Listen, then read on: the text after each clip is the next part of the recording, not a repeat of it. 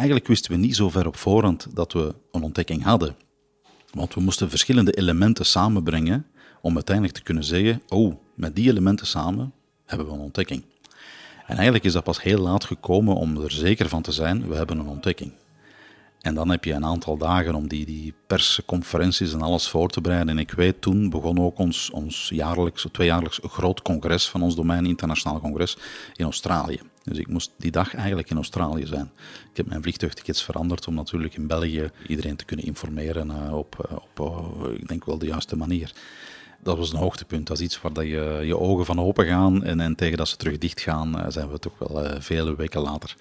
maar, nou, er zijn nog hoogtepunten uiteraard, maar dit is een, een, een als, als een, een soort groepsdynamiek tussen duizenden wetenschappers en ingenieurs die, die uniek is. Dag beste luisteraar. U hoorde zo net Jorgen Dont over de bekendmaking door CERN in 2012 van de ontdekking van het Higgsdeeltje en wat dat voor hem betekende. Dat is waarschijnlijk iets meer dan voor u, want Jorgen Dont was toen, en nu nog steeds, nauw betrokken bij het experiment dat een grote rol speelde in de detectie van het deeltje.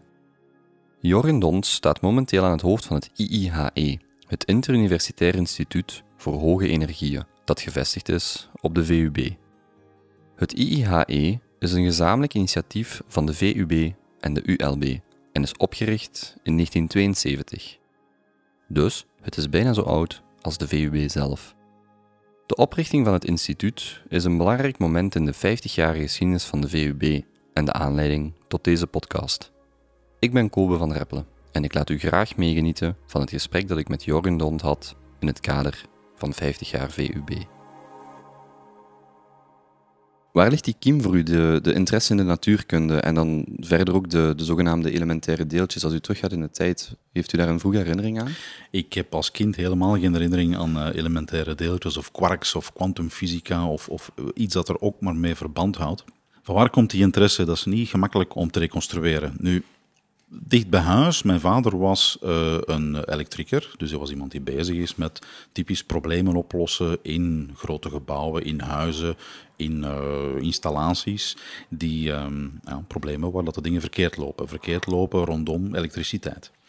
En het mooie daaraan is, om dat probleem op te lossen, moet je eigenlijk iets oplossen dat je niet kan zien elektriciteit in, in, in, de puurste vorm kan je niet zien. Je kan dat misschien wel zichtbaar maken door metingen te doen en vanuit die metingen trachten te begrijpen waar het probleem zit met die elektrische circuits. En dat was wel intrigerend. Want ik ging heel vaak mee met mijn vader, als, als, als kleine jongen en zelfs als, als tiener, om, om ja, naar de plaatsen te gaan waar die problemen moesten opgelost worden. Dus ik heb wel een aantal keren aan de elektriciteit gehangen ook. Maar dat is deel van het verhaal. En uh, de interesse om trachten uit te vissen, wat dat je niet kan zien, en dat trachten te weten te komen via metingen, via observaties, via een, een, een, verband maken tussen de ene meting en de andere meting, een, een, redenering opbouwen en dan uiteindelijk te komen tot, ja, ja, hier zit waarschijnlijk het probleem en zo kunnen we het beschrijven, zo kunnen we het misschien oplossen. En dat is misschien iets dat, dat heel veel wetenschappers hebben. Uh, in mijn geval gaat het natuurlijk over dingen die we niet kunnen zien. Veel wetenschappers uh, kunnen ook werken en zullen werken met dingen die ze wel kunnen zien. En dat intrigeerde mij enorm. En, en ja, elektriciteit, fysica ligt natuurlijk dicht bij elkaar. Dus de keuze voor fysica was niet de eerste keuze, maar was wel de uiteindelijke keuze. Welke was dan de eerste keuze? Oeh, dat is uh, een lang verhaal op zich, een heel mooi verhaal eigenlijk. Ik heb ook als tiener naar de kunstacademie geweest en uh, ik heb daar een opleiding uh, gehad rondom beeldende kunst. Dus ik was bezig met tekenen, schilderen, plastische zaken. Ik heb er ook een diploma van. Ik heb daar een, denk ik ook een mooi diploma van. Ik heb daar enorm van genoten van die opleiding. Dat is dan typisch de woensdag namiddag en de zaterdag en dergelijke. En ik ben eruit gekomen met eigenlijk redelijk, redelijk hoge punten. En met een enorme, met een enorme misschien niet de ambitie, maar wel met een enorme zin, een enorme honger naar, naar meer. En ik werd ook sterk gestimuleerd door de, de leerkrachten, de kunstenaars waar, waar ik les van kreeg, om een, een masterdiploma beeldende kunst te gaan, uh, te gaan behalen. Ik heb dat uiteindelijk niet gedaan. Ik dacht in mijn eigen, bon, uh, tekenen, schilderen kan ik, uh, kan ik nog altijd doen nadien, na studies of, of in de rest van mijn leven, wat dat ik nu ook doe. En de tweede keuze was ook iets ja, heel bijzonder. Ik weet niet of ik het vandaag zou herhalen, die keuze. Ik was toen, nu veel minder, maar toen ook wel gefascineerd door sport en bezig met sport. En ik was ook bezig met ja, de ingenieurszaken, zaken oplossen, zoals ik daar juist zei. Dus de combinatie van sport, ingenieursdenken, praktisch denken, uh, zit ook in de opleiding voor officier in het Belgisch leger. Dus ik ben ook begonnen met, uh, met de gedachte van, ik ga toelatingsexamen doen op de militaire school. Dan vraag ik mij af, botst dan de wetenschappelijke reflex van dingen vraag stellen met de hiërarchie van, van het leger, of was het dat niet? Ik heb daar op dat moment niet zoveel hiërarchie gevoeld, uiteraard. Maar ik, ik had precies meer, meer iets, iets dynamisch rond me nodig. Die wereld van kunstenaars, die, die wereld van de beeldende kunst, was heel dynamisch. Daar had je heel veel gesprekken die, die, die echt wel boeiend waren, die, die fascineren, die inspireren. Ik miste dat eigenlijk in die uh, 48 uur uh, legerdienst, bij manier van spreken. en, en toen, ja, de keuze snel gemaakt, nu gaan we fysica doen. Ja, en had u dan een aha-moment dat u zegt, nu ga ik fysica doen? Was dat in die 48 uur dat u in het leger zat, of kwam dat iets ervoor of erna nog? Dat kwam ervoor eigenlijk al. En, en de, de reflex van, oké, ik ga op universiteit een, een, een bepaalde opleiding uh, volgen. Ik had ook in mijn, mijn hoofd uh, architect, uh, ingenieur-architect. ja, dat is natuurlijk ook de combinatie tussen tekenen, creëren met een tekening en, en natuurlijk het, het wetenschappelijke, het wiskundige. Het is uiteindelijk toch fysica geworden. Ik denk dat die fascinatie voor elektriciteit, fascinatie voor dingen die je niet kan zien, daar waarschijnlijk iets mee te maken heeft. Ik las op de website van de VUB dat u schreef: Twee dagen na het verdedigen van mijn eindwerk bevond ik me reeds in het CERN. Daar heb ik de hele zomer doorgebracht ter voorbereiding van een doctoraat dat me de volgende vier jaar grotendeels in het CERN zou houden. In 2012 werd dan het Higgsdeeltje ontdekt. Is het het hoogtepunt van uw carrière tot nog toe?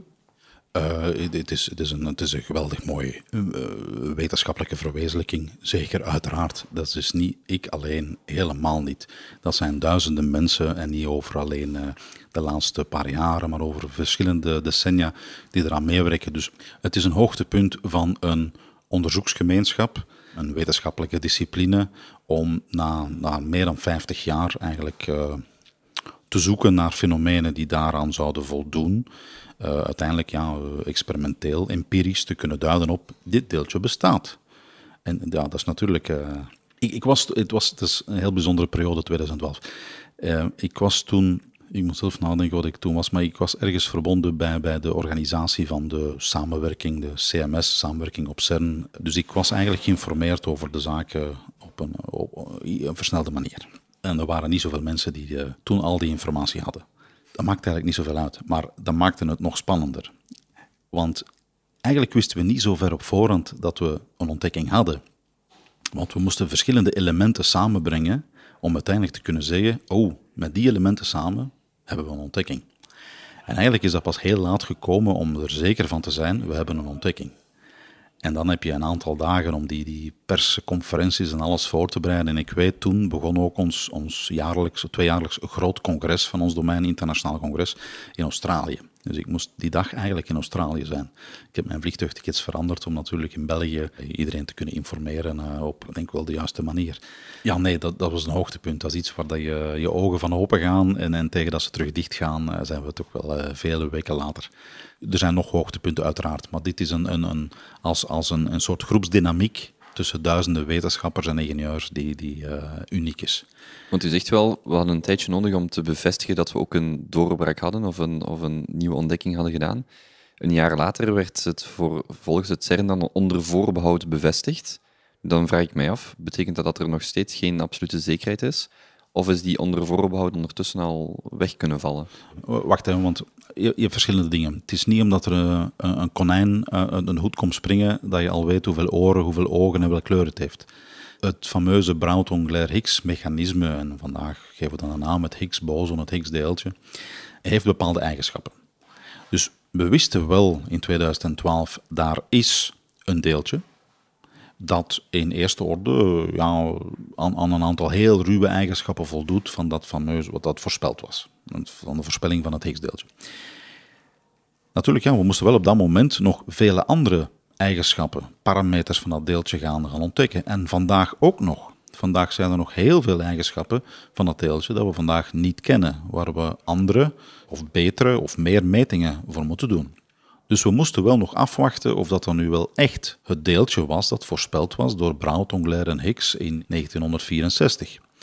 En vandaag hebben we stap voor stap gaan zien in de laatste jaren, ook vorig jaar eigenlijk nog een heel belangrijke doorbraak, om te gaan zien hoe dat, dat fameuze Higgs-deeltje uh, interageert, koppelt met andere deeltjes in het standaardmodel. Hoe dat, dat zijn plaats vindt in die modellering van het kleinste, in het standaardmodel van de deeltjesfysica. Want het moet eigenlijk gaan interageren met alle deeltjes die binnen dat model een massa hebben. En we hebben dat eigenlijk nog niet zien interageren met alle deeltjes die een massa hebben.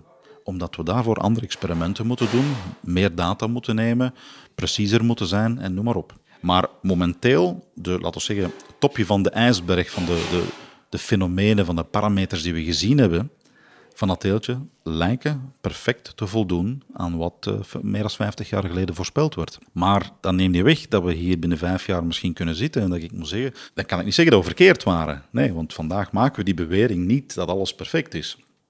Maar als we meer data hebben, als we die box meer open doen, als we meer wetenschappelijk onderzoek kunnen doen en zullen doen ook, ja, dan, vinden we misschien afwijkingen ten opzichte van de voorspellingen.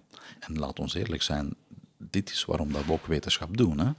Om iets te gaan observeren, ofwel in het universum, ofwel onder een microscoop, en in mijn geval een heel sterke microscoop, bij deeltjesversnellers, iets te gaan observeren dat niet voorspeld was of dat niet verklaard kan worden ja, dat is de natte droom van elke wetenschapper. Het summum zou nog zijn dat je het dan wel kan zelf verklaren. Dat is niet altijd evident. Maar ja, nee, vandaag kan ik alleen maar zeggen dat dat fameuze Higgs-deeltje aan alle eigenschappen die we daar vandaag al van gemeten hebben, nou, kloppen met de voorspellingen. Is dat ook wat u voornamelijk voor het CERN vandaag bezighoudt? Het, het bevestigen, als dat de juiste formulering is, van de bevindingen in 2012? Eh, dat is een van de elementen. Alweer, dat is niet alleen ik, dus laat me in het algemeen spreken. Er zijn twee grote experimenten rondom die deeltjesversneller op het CERN, de, de Large Hadron Collider. er zijn twee heel grote experimenten, het Atlas-experiment en het CMS-experiment. België werkt enkel mee met het CMS-experiment. We werken het allemaal heel goed samen in België en dus kunnen we ook meer bijdragen aan één experiment. En dat is toch dezelfde fysica, dus dat maakt voor de rest niet zoveel uit. En er zijn natuurlijk heel veel werkgroepen. Dus in één zo'n experiment werken 3000 mensen. En die bestaan uit verschillende werkgroepen. Werkgroepen die moeten de data verzamelen, de data reconstrueren, de computingsystemen opzetten en onderhouden. En ook mensen die moeten het fameuze Higgs-deeltje verder onderzoeken. Je hebt dan ook mensen die andere deeltjes in dat standaardmodel van de deeltjesfysica verder onderzoeken. Je hebt ook mensen die gaan zoeken naar nieuwe fenomenen. Maar er is wel inderdaad een heel grote groep, een heel belangrijke groep ook, die vandaag werkt aan de, de verdere verificatie, de verdere meting, de verdere eigenlijk exploratie. Het blijft een ontdekkingstocht. Hè. Elke, elke, elke dag is een nieuwe ontdekking, nieuwe data, nieuwe mogelijkheden die openen en waar we beter kunnen kijken in, in wat dat we niet zien. Dus het is belangrijk, maar het is helemaal niet het enige dat we doen en ook kunnen doen met die deeltjesversneller. U gaf een presentatie aan de Universiteit van Vlaanderen. En daar vertelde u over het Higgsdeeltje en de zogenaamde eenvoudige formule die op één foto past. Maar daar zegt u ook meteen dat die formule wel veel, maar niet alles verklaart. Zo zegt u bijvoorbeeld dat sterren te snel ronddraaien volgens onze berekeningen. We meten op dat ze zodanig snel draaien dat er precies in ons sterrenstelsel een massa zit die we niet kunnen zien en we noemen dat dan de donkere materie. Daar zou ik het graag even met u over hebben. Die maakt het overgrote deel van het universum uit, 95% als ik mij correct herinner, min of meer. Maar tot nu toe kunnen we die niet zien. Hoe kunnen we die donkere materie dan wel waarnemen? Dat is een heel mooi onderwerp. En daar zijn ook duizenden onderzoekers die daarmee bezig zijn. Ik, ik, ik had het er juist over een standaardmodel van de kosmologie, een standaardmodel van de deeltjesfysica. Nu komen we eigenlijk in, het, in, in de buurt van het standaardmodel van de kosmologie. Dus dat was eigenlijk, we hebben een bepaalde inhoud van het universum en de algemene relativiteitstheorie laat die inhoud bewegen. En die inhoud en die beweging kunnen we verifiëren met metingen. Dus de voorspellingen van dat model kunnen we verifiëren met metingen. Dus als we metingen doen van bijvoorbeeld een, een, een sterrenstelsel en we zien hoe dat rondom het centrum van dat sterrenstelsel al die sterren ronddraaien, dan zouden ze dat moeten doen volgens de wetmatigheden van de algemene relativiteitstheorie. Dat wil dus zeggen, in dat midden van, in dat centrum van het sterrenstelsel zit een bepaalde massa de ster die ronddraait heeft een andere massa en dus die ster moet op een bepaalde manier, op een bepaalde afstand en met een bepaalde snelheid ronddraaien. En voor alle duidelijkheid, kosmologie is de studie van hoe dat die, ja, en hoe dat die bewegen. Inderdaad, hoe het, het, universum gevuld is, hoe het universum evolueert. En dat staat dan op basis van, laten we zeggen, de wiskunde of de formuleringen van de algemene relativiteitstheorie. Dus dat kosmologisch model zegt ons eigenlijk met de algemene relativiteitstheorie, we hebben daar in het centrum van een sterrenstelsel veel massa en een ster die daar ronddraait met een, ook een massa. En beide massa's kunnen we wel meten. We kunnen met een telescoop gaan kijken en gaan bepalen hoeveel massa dat er in dat centrum zit en hoeveel massa dat die ene ster heeft. Als we dan de berekening doen, dan zou volgens ons model die ster moeten rond het centrum van dat sterrenstelsel draaien met een bepaalde snelheid. Wel blijkt dat hij dat te traag doet. Te snel volgens de metingen, te traag volgens de berekeningen. En het blijkt dat er in dat centrum van dat sterrenstelsel eigenlijk veel meer massa zou moeten zitten om wat dat we zien... Om dat te verklaren. Om dat te verklaren, volgens de algemene relativiteitstheorie. Dus ofwel ga je beginnen twijfelen aan je theorie, algemene relativiteit, ofwel ga je beginnen twijfelen aan je observaties. De algemene gang van zaken is dat we net iets minder twijfelen aan de algemene relativiteitstheorie, eigenlijk veel minder daaraan twijfelen, en twijfelen aan onze observaties. Dat wil niet zeggen dat we een slechte telescoop hebben, maar dat we niet kunnen observeren dat er eigenlijk te veel massa in zit. Dat er een deel massa is, een groot deel, zoals u zei. Het grootste deel van die massa in dat centrum van dat sterrenstelsel is voor ons blijkbaar onzichtbaar. We hebben vandaag geen enkele manier hoe dat we rechtstreeks die verborgen materie, die donkere materie, kunnen opvangen, kunnen zien. We weten dat er is, want als, als onze, onze berekeningen, algemene relativiteitstheorie en onze observaties met elkaar vergelijken, dan weten we, er ontbreekt daar massa. Er is daar donkere materie. En natuurlijk is de vraag, dat is een van de grote problemen nu van de fysica, hoe gaan we dat verklaren? Ja, de verklaring van dat fenomeen, zoals ik al zei, is niet de telescoop die niet goed werkt, het is niet de algemene relativiteitstheorie, er ontbreekt daar massa. Er is daar donkere materie. Natuurlijk, de vraag is dan, wat is die donkere materie? Wat zijn de eigenschappen van die donkere materie? Van waar komt die? En de algemene gang van zaken, ik zeg niet dat iedereen, maar heel veel mensen zijn er toch van overtuigd dat dat zou moeten bestaan uit deeltjes. En eigenlijk hebben we al berekend en bepaald dat dat niet de deeltjes kunnen zijn die in ons standaardmodel van de deeltjesfysica zitten. Dat kunnen niet die quarks, die leptonen en dergelijke zijn. Dat moet iets anders zijn. Er moeten dus deeltjes bestaan in het universum die die donkere materie vormen en die dus eigenlijk ook in de formulering van ons standaardmodel van de deeltjesfysica moeten zitten. En u zei het, inderdaad, ik kan er gewoon op een kop koffie kan ik eigenlijk de formule neerschrijven van het standaardmodel van de deeltjesfysica, die gebaseerd is op die kwantumveldentheorie. En die formule beschrijft eigenlijk quasi alles wat we zien.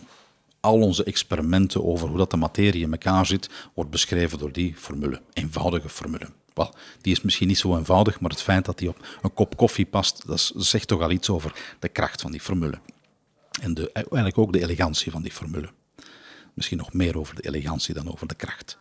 Want ze blijkt niet krachtig genoeg. Die formule blijkt niet te kunnen beschrijven wat dat die donkere materie is. Er moet daar nog een stuk bij. Ik moet daar nog in die formule deeltjes gaan toevoegen. Ik weet niet wat dat die deeltjes zijn. Ik weet niet wat dat de krachten zijn die die deeltjes zullen bezighouden. Maar er moet iets bij om die donkere materie te verklaren. En, en daar zie je ook de balans tussen wat dat we zien op heel grote schaal, die donkere materie in ons universum, trachten we natuurlijk ook te beschrijven met die deeltjes. We, weten dat het universum vol zit met deeltjes, dus die donkere materie moeten deeltjes zijn. En daar heb je natuurlijk de link tussen de beschrijving, de modellering van het grootste en de modellering van het kleinste. En eigenlijk is de grote droom, hoe gaan we die samenbrengen? Hoe gaan we die twee modelleringen samenbrengen om te komen tot een soort kwantumbeschrijving van zwaartekracht? Een kwantumbeschrijving van ook de grootste dingen. En die donkere materie, donkere energie ook, zou daar moeten een deel van uitmaken, want het universum zit vooral nog vol met donkere energie. De donkere materie is daar eigenlijk een kleiner stuk van. En de materie die we vandaag zien, wat, waar, dat we hier aan die tafel zitten, die materie, is daar nog een veel kleiner stuk van. Dus eigenlijk, onze, onze kop koffie, waarop dat die formule staat van het standaardmodel van de deeltjesfysica, beschrijft 4, 4 à 5 procent van het universum, van de inhoud van het universum.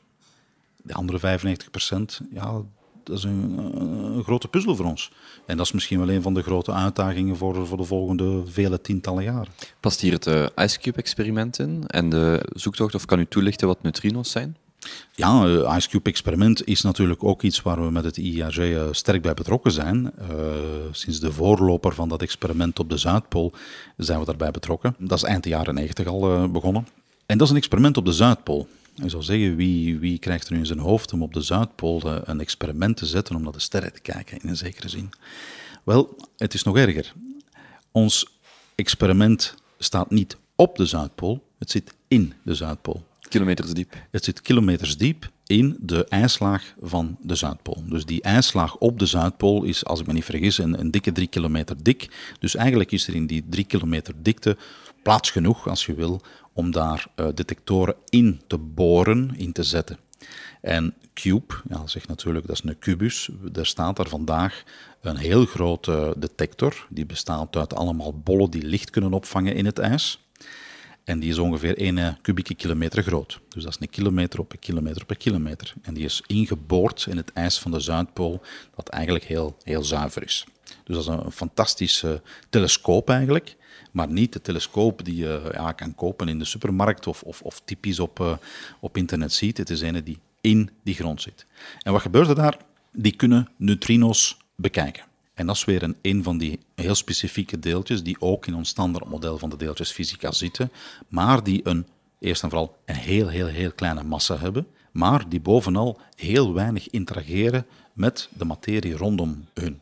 Bijvoorbeeld, wij worden vandaag, wij worden hier nu op dit moment en, en straks ook nog, worden wij gebombardeerd door miljarden neutrino's. Die vliegen gewoon door ons. We hebben daar geen last van. Nu van waar komen die? Wel, de meeste van die neutrino's die komen van de zon. Dus wat heb je? De zon is aan het branden. En eigenlijk gebeurt er een, een chemisch proces in de zon dat voor die verbranding zorgt. Dus een soort radioactief verval dat ook neutrino's vrijgeeft. En die neutrino's, omdat die natuurlijk door de materie kunnen vliegen zo lang en zoveel als ze willen, typisch, en maar heel zelden ergens interageren met de atomen die er ergens zitten, die vliegen overal rond. En die kan je dus ook op aarde zien en die kan je dus ook trachten op te vangen met die Ice Cube detector die daar in het ijs van de Zuidpool zit. Dus in dat grote volume van de ijs van de Zuidpool kan het af en toe een keer gebeuren dat zo'n neutrino, dat bijvoorbeeld van de zon komt, interageert met dat ijs en daar een bepaald signaal geeft, licht, dat kan opgevangen worden door die detectoren die in de ijs zitten. Maar hoe komt het dat het op de Zuidpool moeilijker is om die neutrino's, als er miljarden door ons vliegen op dit moment, hoe komt het dan dat die daar moeilijker zijn om te waar te nemen? Je hebt daar een heel groot volume. Dus die detector, eigenlijk, het detectievolume in dat ijs, is ongeveer 1 kubieke kilometer groot. Je moet dat zo groot maken voor verschillende redenen, maar ook natuurlijk om de kans dat een neutrino dat daar door het ijs vliegt, de kans dat dat zou interageren met een van die ijsmoleculen en atomen, dat daar een, een, een, een zwakke interactie aangaat, om die kans zo groot mogelijk te maken. Een groter volume ga je die kans natuurlijk opdrijven. Als het gewoon het volume is van ik, dan gaan we heel lang kunnen wachten voordat we ook maar een neutrino-interactie zien. Ja, het gaat, het gaat niet om de miljarden neutrino's, het gaat om de interactie tussen die neutrino's en andere elementen. Inderdaad, inderdaad. Je hebt natuurlijk die miljarden neutrino's nodig. Als je maar één neutrino hebt, ja, dan kan je ja, heel lang wachten voor het interageert. Maar als je heel veel neutrino's hebt, een groot volume, heb je natuurlijk een grote kans dat daar een neutrino een interactie aangaat, licht geeft en dat die ice cube detector het kan detecteren. En ik spreek nu van, dat zijn neutrino's van de zon.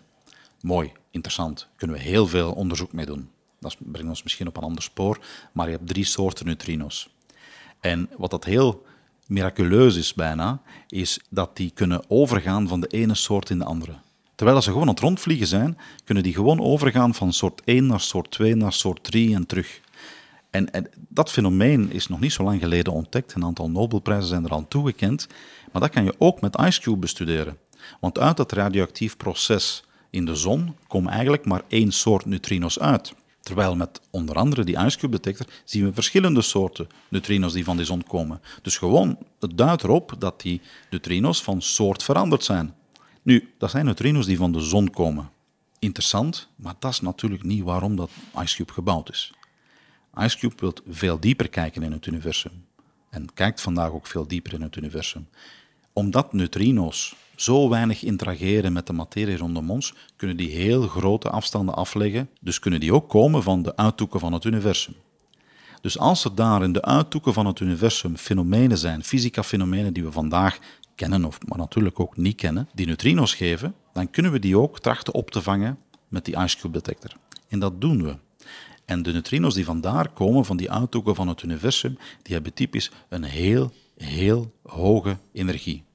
En dat is ook al een van de redenen waarom dat je een grote detector nodig hebt, om natuurlijk al die energie van dat neutrino te kunnen opvangen met het licht dat je ziet. En dat is natuurlijk het heel mooie. En vandaag zijn ze eigenlijk de enige echte grote telescoop om met neutrino's, in de plaats van met licht, wij kijken normaal aan een telescoop gebruikt het licht dat van het universum komt, maar dat is nu een telescoop die neutrino's kan zien die vanuit gans het universum komen. Want ik citeer uit het EOS-magazine. Eind 2013 riep Physics World de observatie van 28 hoogenergetische neutrino's uit tot wetenschappelijke doorbraak van het jaar.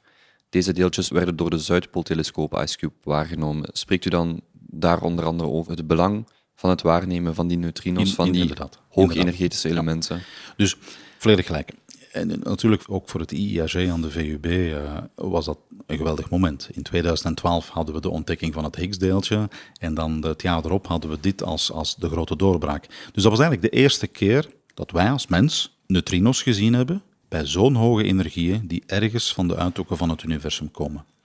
Natuurlijk zeg je van, ja oké, mooi, maar dat geeft ons vandaag wel een enorme mogelijkheid om met deze IceCube detector vandaag ondertussen heel veel van die heel hoge energetische neutrino's te observeren.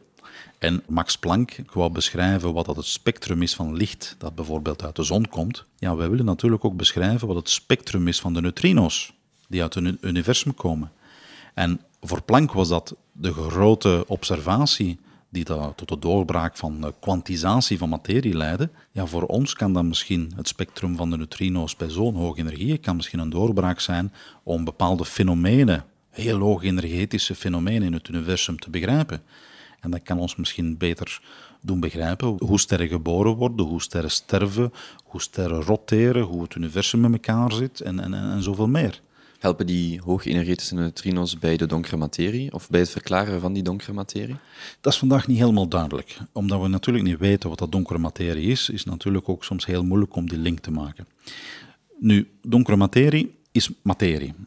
Dus dat heeft een massa. En net zoals de gewone massa heeft dat de neiging om te clusteren in een ster of in een planeet. Donkere materie heeft ook de neiging dus om te clusteren, om dichter bij elkaar te komen, want de zwaartekracht werkt wel tussen die donkere materiedeeltjes.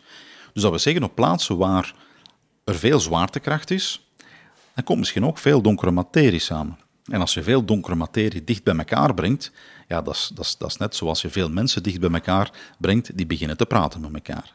Die donkere materiedeeltjes die dicht bij elkaar komen, kunnen ook beginnen praten met elkaar. Praten in, in de taal van kwantumfysica kan natuurlijk ook zeggen dat ze elkaar zogezegd de hand schudden en annihileren verdwijnen, overgaan via een bepaalde interactie in andere deeltjes. En dat kunnen neutrino's zijn. En het mooie is dat die neutrino's dan terug beginnen reizen met hoge energieën doorheen het universum en kunnen opgevangen worden op aarde met die IceCube detector. Nu, we kunnen bijvoorbeeld gaan kijken naar de zon. De zon is een, een, een massief ding, een massieve ster.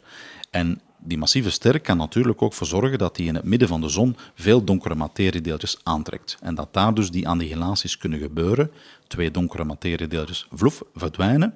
ESMC kwadraat, energie wordt omgezet in massa en dergelijke. En je krijgt dus een interactie die daar bijvoorbeeld twee neutrino's geeft. Die twee neutrino's, of één van die neutrino's, kunnen opgevangen worden op aarde. En dan kunnen we dus zien, als wij een teveel aan neutrino's zien die van de zon komen, bij bepaalde energieën, energieën die eigen zijn aan het annihilatieproces, als we dat zouden zien, dan hebben we wel een indicatie van daar is daar iets gebeurd in het centrum van de zon dat niks te maken heeft met dat radioactief proces om de zon te doen verbranden, maar dat er iets anders is dat eventueel kan gerelateerd zijn aan het feit dat daar donkere materie is die annihileert, neutrino's geeft en zijn die die we zien. Dus ja, met die IceCube detector kunnen we, en dat doen we vandaag ook, zoeken naar donkere materiedeeltjes. De zon is één voorbeeld. Je kan ook gaan kijken natuurlijk in het centrum van, ons, van onze melkweg, van ons sterrenstelsel. In, in, in, in het centrum van de melkweg zou men kunnen denken dat er ook veel donkere materie is. Dus dat is een ander voorbeeld waar je naartoe zou kunnen kijken. Nadeel van het centrum van uh, onze, onze, onze melkweg is dat dat helaas niet aan de goede kant van de de aarde ligt. Uh, niet uh, aan de kant waarmee dat je de IceCube detector kan gebruiken of de IceCube telescoop observatie uh, kan gebruiken om daar naartoe te kijken. Dan zou je ook zo'n detector moeten hebben in de noordelijke kant van de aarde. En, en daar wordt ook aan gebouwd. Daar zijn we nu niet direct bij betrokken, maar dat wordt ook gebouwd. U liet er al twee keer vallen, het IIHE, het Interuniversitair Instituut voor Hoge Energieën. Is dit waar u vandaag voornamelijk aanwerkt of bijwerkt? Ik ben vandaag de directeur van het VUB-deel van het uh, Interuniversitair Instituut voor Hoge Energieën. Dat is een instituut dat natuurlijk uh, begonnen is ongeveer op hetzelfde moment als uh, de VUB begonnen is. wij vieren binnen twee jaar onze, onze 50 jaar. Of binnen drie jaar denk ik zelf. We zijn begonnen in het jaar 72. En dat was een van de twee instellingen of instituten die gevormd werden samen en tussen de VUB en de ULB. Dus de VUB eh, is ontstaan, eh, de departementen werden op, faculteiten, departementen werden opgericht, onderwijs is begonnen. En uh, ja, kort nadien is er beslist om samen een instituut op te richten om naar die hoge energieën te kijken, om samen te werken. Wat eigenlijk ook heel logisch was, want die grote experimenten, zowel om naar de, de grote dingen in het universum te kijken, als de grote experimenten om naar de kleine deeltjes te kijken, dat zijn heel sterk internationale projecten. Ja, er werken duizenden mensen, wetenschappers, ingenieurs, computerwetenschappers samen. Dus het is eigenlijk heel logisch dat we in de Brusselse context heel sterk vanaf het begin samenwerken. Hoe ziet uw gemiddelde werkdag of werkweek er dan uit? Het is heel moeilijk om een gemiddelde te nemen van, van uh, dagen die heel sterk uh, variëren en heel divers zijn. Mijn werkdag vandaag, laat me misschien uh, zo zeggen. Ik ben toegekomen iets na zeven aan, aan de VUB. Ik, ja, ik begin liefst zo vroeg In de ochtend mogelijk. voor alle duidelijkheid. Ja, in, de ochtend voor alle duidelijkheid. Ja. um, ik heb, ja, natuurlijk, als je internationaal bezig bent, wil dat zeggen dat je ook s'nachts communicatie krijgt. Uh, de Verenigde Staten, Japan, uh, Azië in het algemeen, die werken natuurlijk op een ander moment. als, jij, als wij hierop staan, dan zijn ze in Azië al wel eventjes bezig. Dus ik had wel wat communicatie, e-mail dan vooral, te, te verwerken. Ik had ook mijn eerste vergadering om 8.30 uur. Dat was een vergadering waar dat we met een aantal mensen, we zijn met vier, die eigenlijk de taak gekregen hebben om te komen tot een nieuwe strategie voor uh, deeltjesfysica in Europa. Dus deeltjesfysica in Europa, dat zijn ongeveer dat zijn meer dan 10.000 wetenschappers die daaraan werken. En die hebben natuurlijk een bepaalde strategie nodig. Welke nieuwe grote experimenten zullen we in Europa bouwen in de toekomst? En vandaag ben ik de voorzitter van de Europese Commissie die denkt aan die nieuwe toekomstige deeltjesversnellers. Dus ik moet ook mee die, die strategie voor de toekomst ontwikkelen. Daar zitten natuurlijk heel veel wetenschappelijke aspecten aan, daar zitten financiële aspecten van, daar zitten politieke, diplomatieke aspecten aan. En, en dat is een kluwen waar, waar dat je toch wel uh, um, vaak over moet vergaderen, van gedachten wisselen en, en trachten vooruitgang te maken. Dus zo een vergadering had ik uh, vanmorgen om 8.30 uur om te kijken naar bepaalde financiële profielen om projecten die tot, tot 30 miljard uh, euro kunnen kosten te kunnen realiseren. Het heeft tot 10 uur geduurd. Om 10 uur had ik een gesprek met uh, twee van mijn medewerkers over iets veel meer down to earth. hoe dat we dingen kunnen lijmen. wij, wij zullen aan het IAG een, een nieuwe detector bouwen die we volledig in België bij ons zullen, zullen opbouwen en die we nadien zullen transporteren naar het CERN om daar in die botsingen te zetten en, en verder werk mee te kunnen doen voor de volgende 20 jaar. Dat is een groot project. Dat is ook een belangrijke verantwoordelijkheid voor België, dat is een belangrijke verantwoordelijkheid voor het IAG, VUB, ULB. En een van de dingen dat we daar moeten doen is heel precies uh, dingen aan elkaar lijmen. Dat wil zeggen, een detectorelement heel precies kunnen lijmen op een ander. Als dat met de verkeerde precisie gebeurt, ja, dan kunnen wij niet heel precies gaan bepalen wat dat er in die deeltjesbotsingen bij die deeltjesversneller gebeurt. U spreekt voor alle duidelijkheid over microscopische precisie. Ik spreek over een, uh, een aantal duizendste van een millimeter. Hm. Iets dat we met ons blote oog niet kunnen zien. En dingen op elkaar lijmen met dergelijke precisie is helemaal niet triviaal.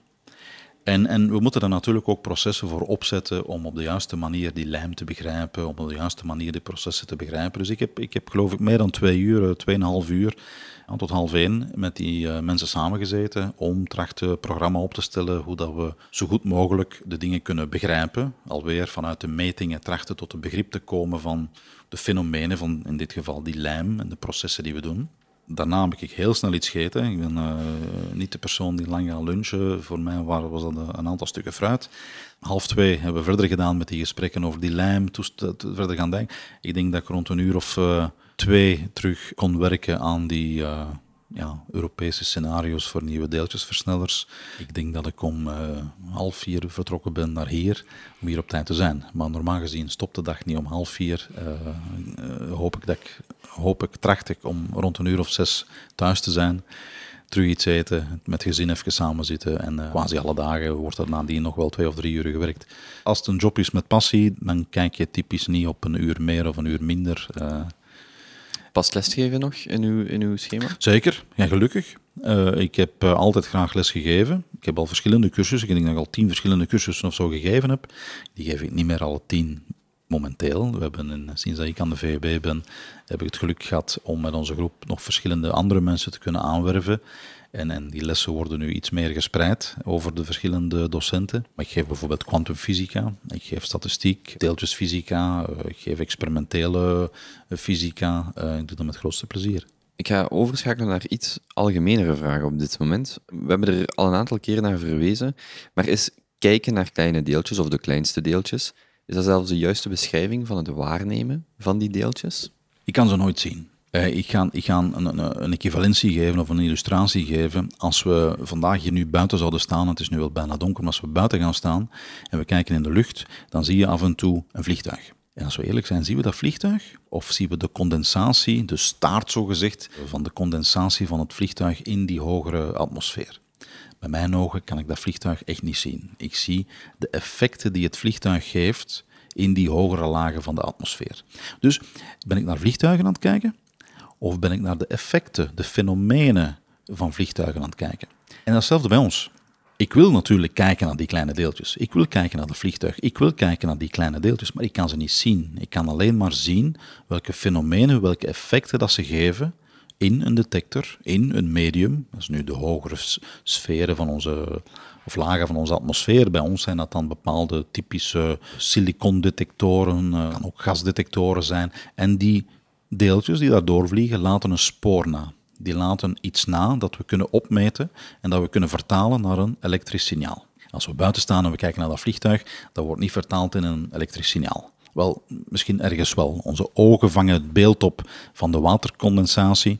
Onze ogen, ons brein zal dat vertalen in, in, in, in onze neuronen, ook waarschijnlijk in een elektrisch signaal.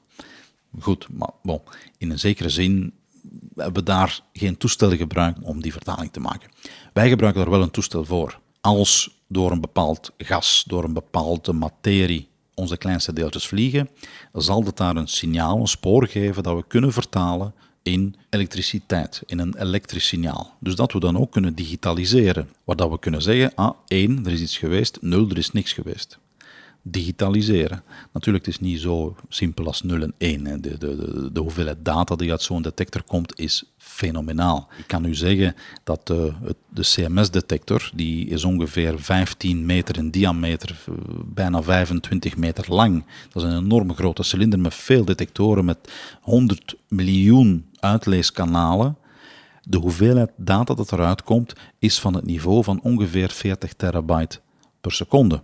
Dat is, dat fenomenaal. Dat is een hoeveelheid data die eruit komt, nulletjes en eentjes, elektrische signalen, die fenomenaal is. En dat moeten we dan verwerken om iets te maken waar dat we een interpretatie kunnen aan koppelen, waar dat we dus een, een, een analyse kunnen op laten losgaan, een studie mee kunnen doen. Dat zegt van, oké, hier is dat deeltje geweest, daar is dat deeltje geweest. Dat deeltje dat we daar gezien hadden, had, had die eigenschap, dat we zeggen die snelheid of, of dergelijke. Dat is natuurlijk moeilijk. Het is enorm moeilijk om die detector te bouwen en, en, en, van die sporen elektrische signalen te maken. Dat is een enorme uitdaging om dat zo precies en zo snel mogelijk te doen. De volgende enorme uitdaging is de computerkracht die erachter zit om dat op een, eigenlijk op een harde schijf te krijgen, in een, vorm van harde schijf te krijgen, om dat te, te digitaliseren. En dan te gaan zeggen, ik, ik, wil daar eigenlijk een soort reconstructiealgoritme op, op loslaten, dat reconstrueert wat dat er in die botsing bij die deeltjesversneller juist gebeurd is. Want ook dat zien we niet. Dat is misschien een luguber voorbeeld, maar als een vliegtuig crasht, dan, dan valt dat in, in duizenden stukken uiteen. Duizend stukken. En daar komen honderden inspecteurs op af om al die stukken te gaan verzamelen, op te meten. Waar zijn ze gevallen, hoe groot zijn ze en dergelijke. En gelukkig, meestal zijn die mensen slim genoeg, uiteraard, zijn er ook voor opgeleid om te reconstrueren wat is er nu juist met dat vliegtuig gebeurd. Wat is er gebeurd met dat vliegtuig op het moment dat we het eigenlijk niet gezien hebben. We zien alleen de effecten van die knal of van dat incident. Dat is bij ons ook zo. We hebben nooit gezien wat er juist op de fractie van een seconde in die botsing gebeurd is. We zien alleen uit die botsing van de hele hoogenergetische deeltjes in die deeltjesversneller, zien we alleen stukken uitkomen. We zien daar de brokstukken van die botsing uitkomen en die brokstukken zullen we zo goed mogelijk opmeten in onze detector. Dat wil zeggen, al die digitale informatie die uit mijn detector komt, die moet ik gebruiken, net zoals die inspecteurs bij dat vliegtuig, om trachten te reconstrueren wat is er nu juist in die botsing gebeurd. En dat is niet evident. En we hebben heel veel botsingen, een, een grote variëteit van botsingen. En we moeten dat heel nauwkeurig doen, want we zijn aan het zoeken in die botsingen naar fenomenen die typisch heel, heel zelden voorkomen. Welke natuurwetenschappelijke kwestie of vraag zou u in uw leven nog graag opgelost zien? Hmm.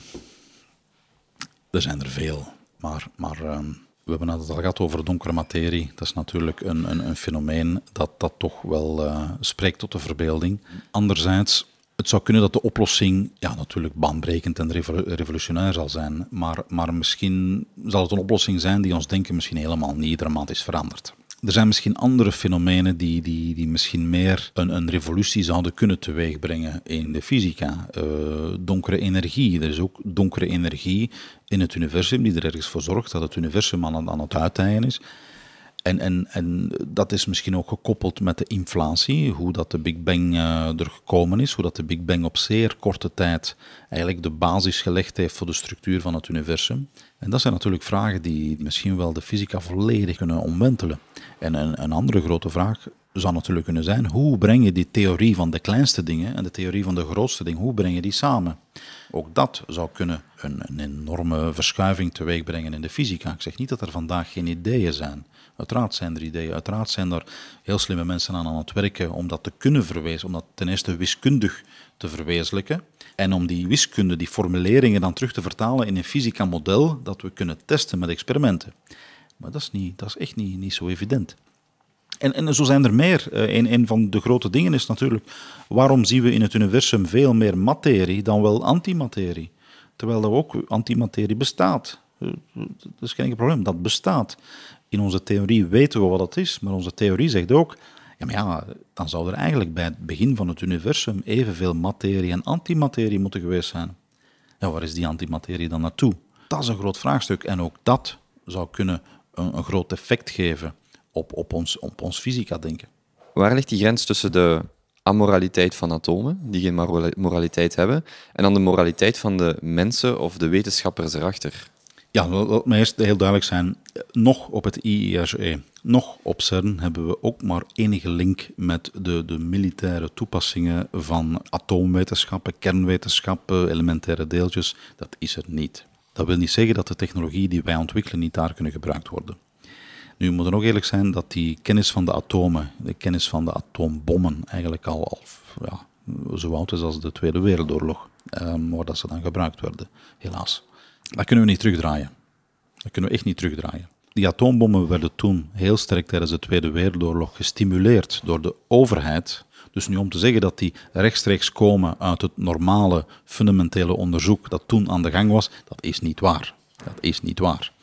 Uh, daar was een keuze toen gemaakt om die te gaan ontwikkelen. Die keuze werd niet gemaakt door de wetenschappers. Die keuze werd gemaakt op het hoogste niveau van de politiek door de president van de United States. Dus allee, we moeten daar ook duidelijk in zijn wat dat toen het kader was. Laat me misschien de stap wegnemen van het militaire naar terug meer wat dat de, mensheid vandaag ook boeit, zijn kerncentrales. We hebben incidenten gehad met kerncentrales. En, en, en we kunnen zeker niet aansluiten dat er geen incidenten meer zullen zijn. Tsjernobyl, Fukushima, er zijn incidenten geweest. En die zijn erg, uiteraard. En dan zou je kunnen twijfelen aan, is die technologie van kerncentrales nog altijd de juiste voor ons om te denken aan de energieproductie voor de mensheid? Ik ben ervan overtuigd dat kernenergie nog altijd een plaats heeft. 10, 20 en zelfs 30 en 40 jaar in, in onze maatschappij. Uiteraard niet als enige, maar die heeft zeker een plaats. We weten dat het eigenlijk ecologisch gezien, klimaatgezien, eigenlijk een heel propere techniek is. Maar men twijfelt soms over de veiligheid van die technieken. Dat klopt. En, en ik zeg niet altijd dat wat er altijd gezegd wordt altijd even terecht en even juist is, maar het is een feit, als daar iets mee gebeurt, zijn de gevolgen erg. Nu, wat ook gebeurt, en België is nu wel echt de juiste plaats om daarover te spreken, is een volgende generatie ontwikkelen van kernreactoren. Een kernreactor die veel veiliger is. Op een kernreactor die we vandaag hebben, daar staat geen aan- en uitknop. Je kan die niet, als dat verkeerd gaat, kan je die niet zomaar uitzetten.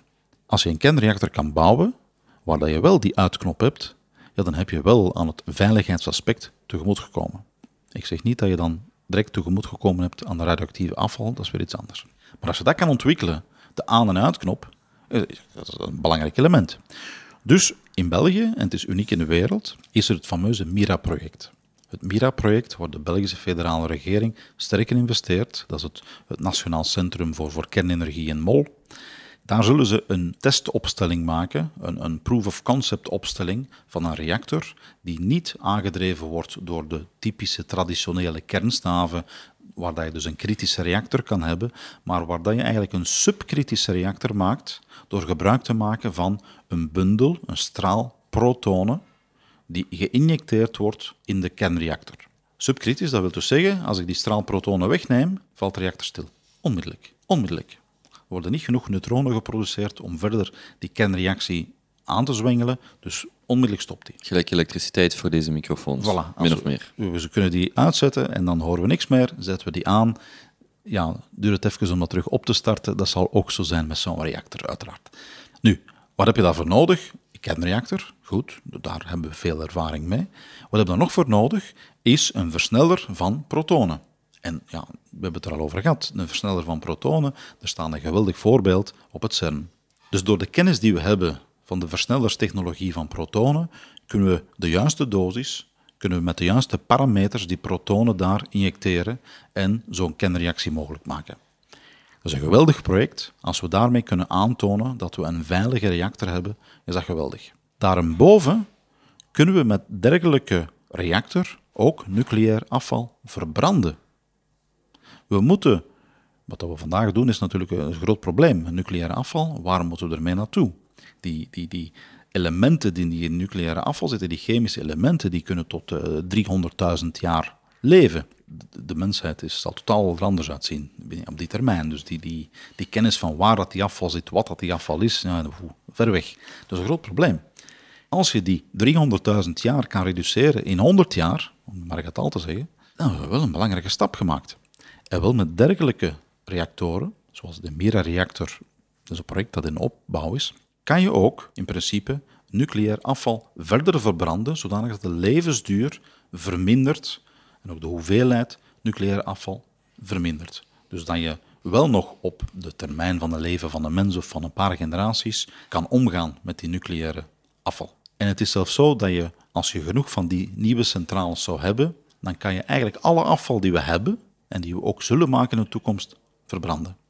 Wordt er dan ook ondergrondse mini-deeltjesversneller gebouwd? Is, heeft het ook de, het formaat, zo gezegd, van een mini-CERN dan? Het heeft een formaat van een, een, een, een mini-CERN, maar... Het is misschien maar, te simplistisch. Uh, het is ook een heel belangrijk, er werken meer dan 700 mensen op dat nationaal centrum hier in België. Het zal niet onder de grond zijn, het zal ongeveer boven de grond zijn. Waarom dat we dat onder de grond doen op CERN is natuurlijk ook omdat we veel radioactiviteit geven. Als daar deeltjes ronddraaien, creëert dat veel radioactiviteit. Als je dat boven de grond wil doen, is dat niet evident. Er zijn ook andere redenen om dat onder de grond te doen. Maar de versneller in mol voor Mira, die zal natuurlijk versnellen tot veel lagere energieën. Uh, energieën die echt wel uh, grote orders lager zijn dan wat we op het CERN hebben. Dus de uitdaging is er nog altijd. Wat dat daar vooral de belangrijkste uitdaging is, is niet om de grootste energieën te beha behalen, dat is op CERN, maar wel om een heel continue bundel te bekomen. Die protonen moeten op continue wijze in de reactor komen, in die kernreactor komen. Als daar te veel gaten tussen zitten, ja, dan, dan die protonen die botsen daar in die kernreactor op een soort target, op een doelwit, en die creëren die neutronen. Als daar te veel tijd tussen zit, ja, dan worden de neutronen niet meer gemaakt en dan stopt de reactie. Als de reactie stopt, dat geeft natuurlijk ook mechanische krachten op de reactievat die je wil vermijden. Dus je wil niet veel interrupties hebben tussen, laten we zeggen, die bundels van protonen.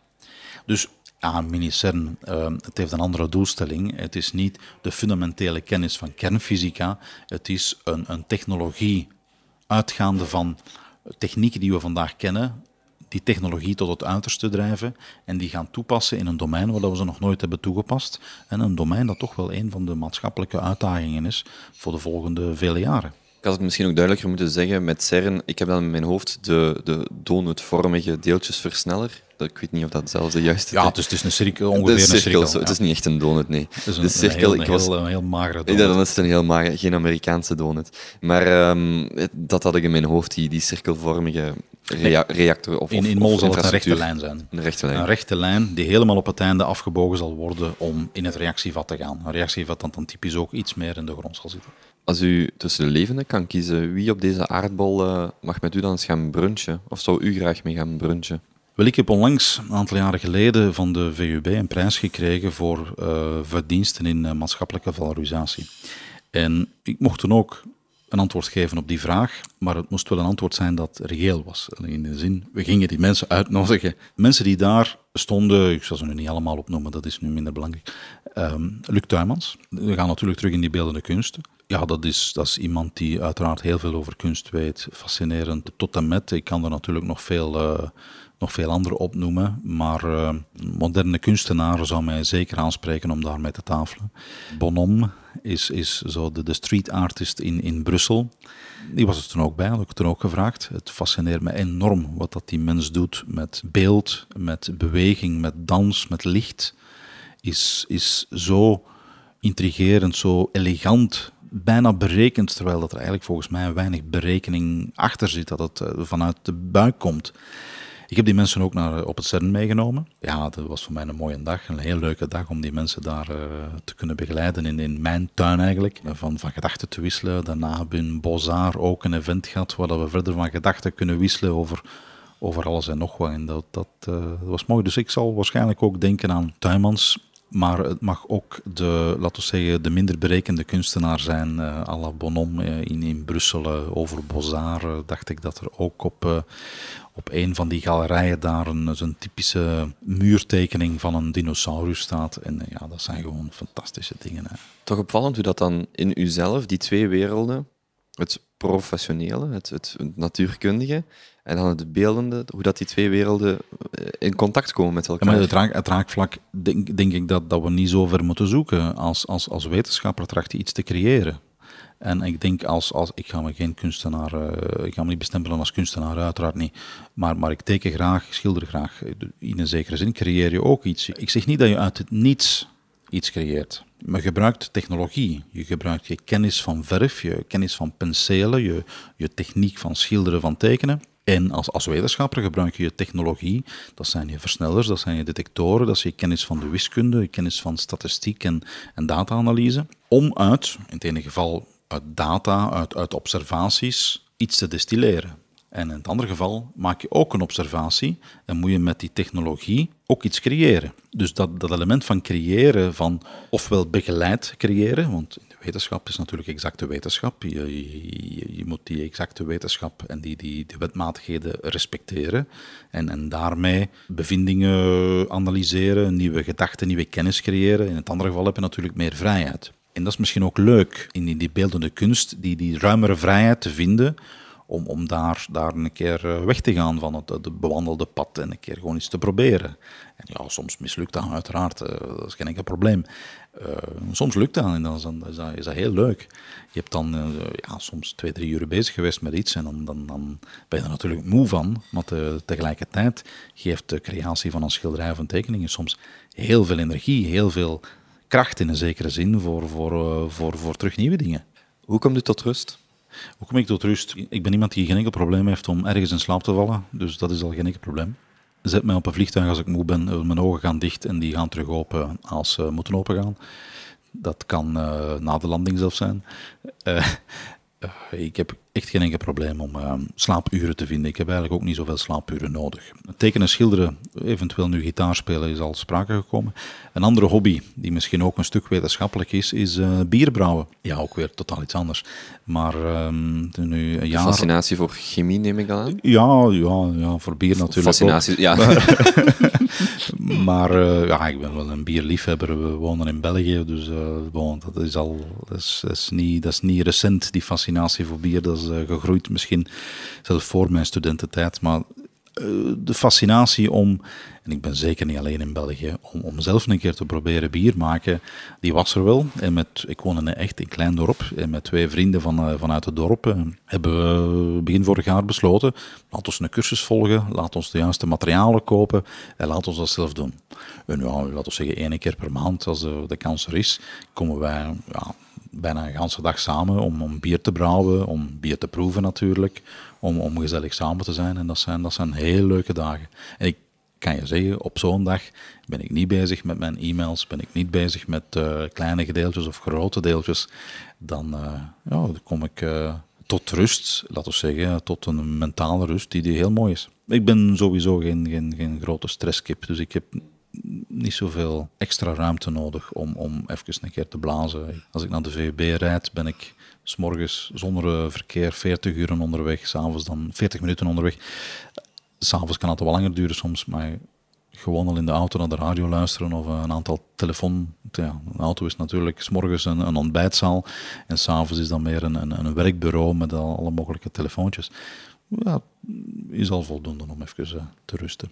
Als je een werk doet die je, dat je graag doet, waar dat je het gevoel hebt dat je vooruitgang maakt, waar, waarin dat je, je blijft de fascinatie vinden, waar dat je, je de dag van morgen niet altijd kan voorspellen, ja, dan, dan, dan heb je niet veel rust nodig. Dan, uh, dan, dan, dan zit je op een trein, op een rollercoaster die, ja, die verder gaat en waar je met plezier op zit.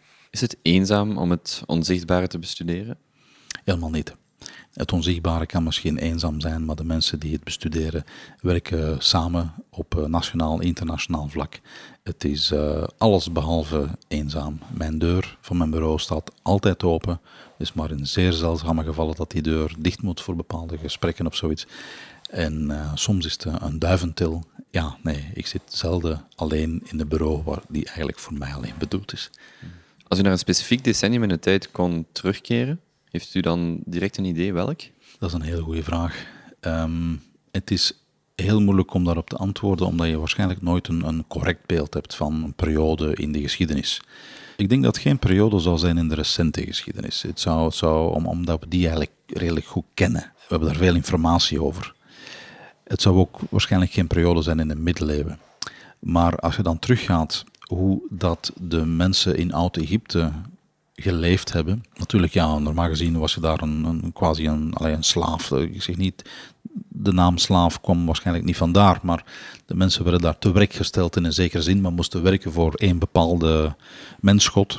Hoe dat ze daar aan, aan werktuigkunde, aan ingenieursactiviteiten, aan, aan planningen dachten, dat moet toch wel fenomenaal geweest zijn. En hetzelfde voor de oude Egypte, de Romeinen. Ik denk dat dat een heel, heel interessante periode zal zijn van, van het ingenieuze punt uit, van het architecturale punt ook. Uh, zou mooi zijn. Natuurlijk zou ik ook heel graag naar het oude China gaan. Want in het oude China of het oude Perzië, daar komt heel veel kennis uit. En het zou voor mij ook wel heel boeiend zijn om te voelen hoe dat. Want meestal weten wij hoe dat kennis in Europa bijvoorbeeld ontstaan is en geëvolueerd is. We hebben veel minder zicht hoe dat, dat in de, de, de wereld van, van, van Perzië, de wereld van, van, van, van, van China gebeurd is. En ik denk dat dat heel mooi zou zijn. Ik ben ook in uh, Iran geweest, Persepolis bezocht. En de cultuur die daar leeft is, is heel mooi, is ook heel open. Het zou voor mij heel mooi zijn om naar de tijd van Persepolis of van ja, Karel de Grote. Um, Karel de Grote. Alexander, de, Alexander de Grote te gaan en, en, en, en, en daar te voelen hoe dat kennis ontstaat, kennis doorgegeven wordt, uh, wat dat ze doen met kennis, wat mag gedaan worden, niet mag gedaan worden. En, en, en om dat in die context van die cultuur die niet uit Europa komt te zien, ik denk dat dat mooi zou zijn. Stel, stel een buitenaardse entiteit treedt met ons in contact en we mogen één iemand van ons ras afvaardigen, dood of levend. Wie denkt u dat het beste ons zou representeren in functie van dat contact? Ik denk niet dat je aan een wetenschapper moet denken. Ik denk dat je waarschijnlijk beter denkt dan een diplomaat. Zelfs geen Oppenheimer of, of zo? Nee, uh, Churchill. Um, ik denk dat je echt een diplomaat nodig hebt die twee stappen vooruit zet, een stap achteruit en, en, en tracht een, een opening te vinden en toch kordaat genoeg is om, om, om ergens te geraken en geen angst heeft. Laatste vraag. Stel, een intelligente VUB-student komt tot bij u en zegt: Ik wil op een of andere manier de Jorgen van mijn generatie zijn. Welk advies geeft u dan? Goh, focus je vooral niet op de Jorgen van, uh, op dat beeld dat dan mij plakt. Uh, iedereen is anders. Iedereen leeft in een andere tijd. Iedereen krijgt op, op een bepaald moment andere mogelijkheden. Iedereen heeft ook andere capaciteiten, zowel betere als, als, als minder goede. Um, focus je niet op een individu. Focus je op, op jezelf en de opportuniteiten dat je krijgt. En natuurlijk de goede afweging maken. Hoe, welke opportuniteiten dat je neemt, welke niet. En, en natuurlijk ook ergens beseffen dat je opportuniteiten kan creëren. Door de keuzes die je vandaag maakt, zal je misschien volgend, volgend jaar andere opportuniteiten hebben. Maar blijf vooral jezelf. Ga niet uh, spiegelen aan iemand anders. Blijf jezelf. Uh, blijf staan voor de, de waarden die, die, die, die je belangrijk hecht. En ga in overdrive wanneer je moet in overdrive gaan. En ga, laten we zeggen, het iets rustiger aan doen als je voelt van oei oei. Het is ook nodig om het iets rustiger aan te doen. je kan niet blijven, blijven, blijven gaan. Je moet ook soms beslissingen kunnen maken van oh, dit project moet stoppen. Hier moeten we wel mee verder gaan oei, nu moet ik vandaag wel een keer slapen, morgen mag het een keer op langer duren. Blijf jezelf, uh, creëer je eigen omgeving. Laat je omgeving uiteraard afhangen van andere parameters, dat is altijd zo, isoleer je niet. Maar blijf binnen, die, binnen je eigen omgeving, jezelf, zodanig dat je ook je omgeving onder controle hebt en dat je, dat je zelf de keuzes maakt en niet de omgeving die keuzes voor jou maakt. Jorin, het was een plezier. Dank u wel. Dat is heel graag gedaan. En ik denk dat we nu iets lekker zullen eten in de zaal hiernaast. Graag.